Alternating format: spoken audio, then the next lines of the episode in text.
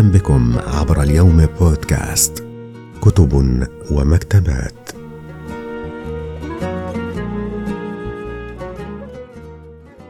مكتبة المسجد النبوي.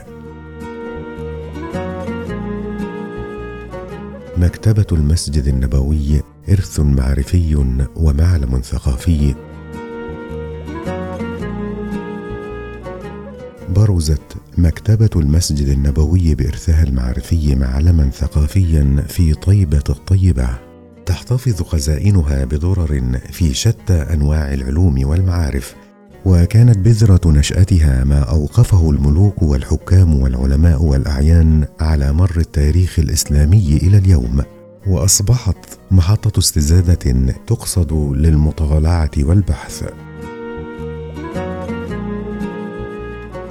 يعود تاريخ المكتبة إلى عام 580 للهجرة بمجموعة من الكتب والمصاحف الموقوفة فيما تعد النشأة الحقيقية للمكتبة في العهد السعودي عام 1352 للهجرة بموافقة من المؤسس الملك عبد العزيز بن عبد الرحمن آل سعود. طيب الله ثراه.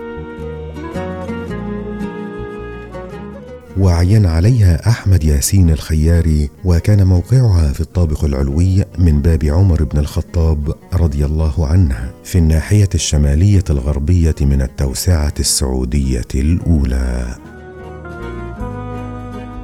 شكرا لاستماعكم لنا وعلى وعد بلقاء جديد عبر اليوم. بودكاست دمتم في أمان الله.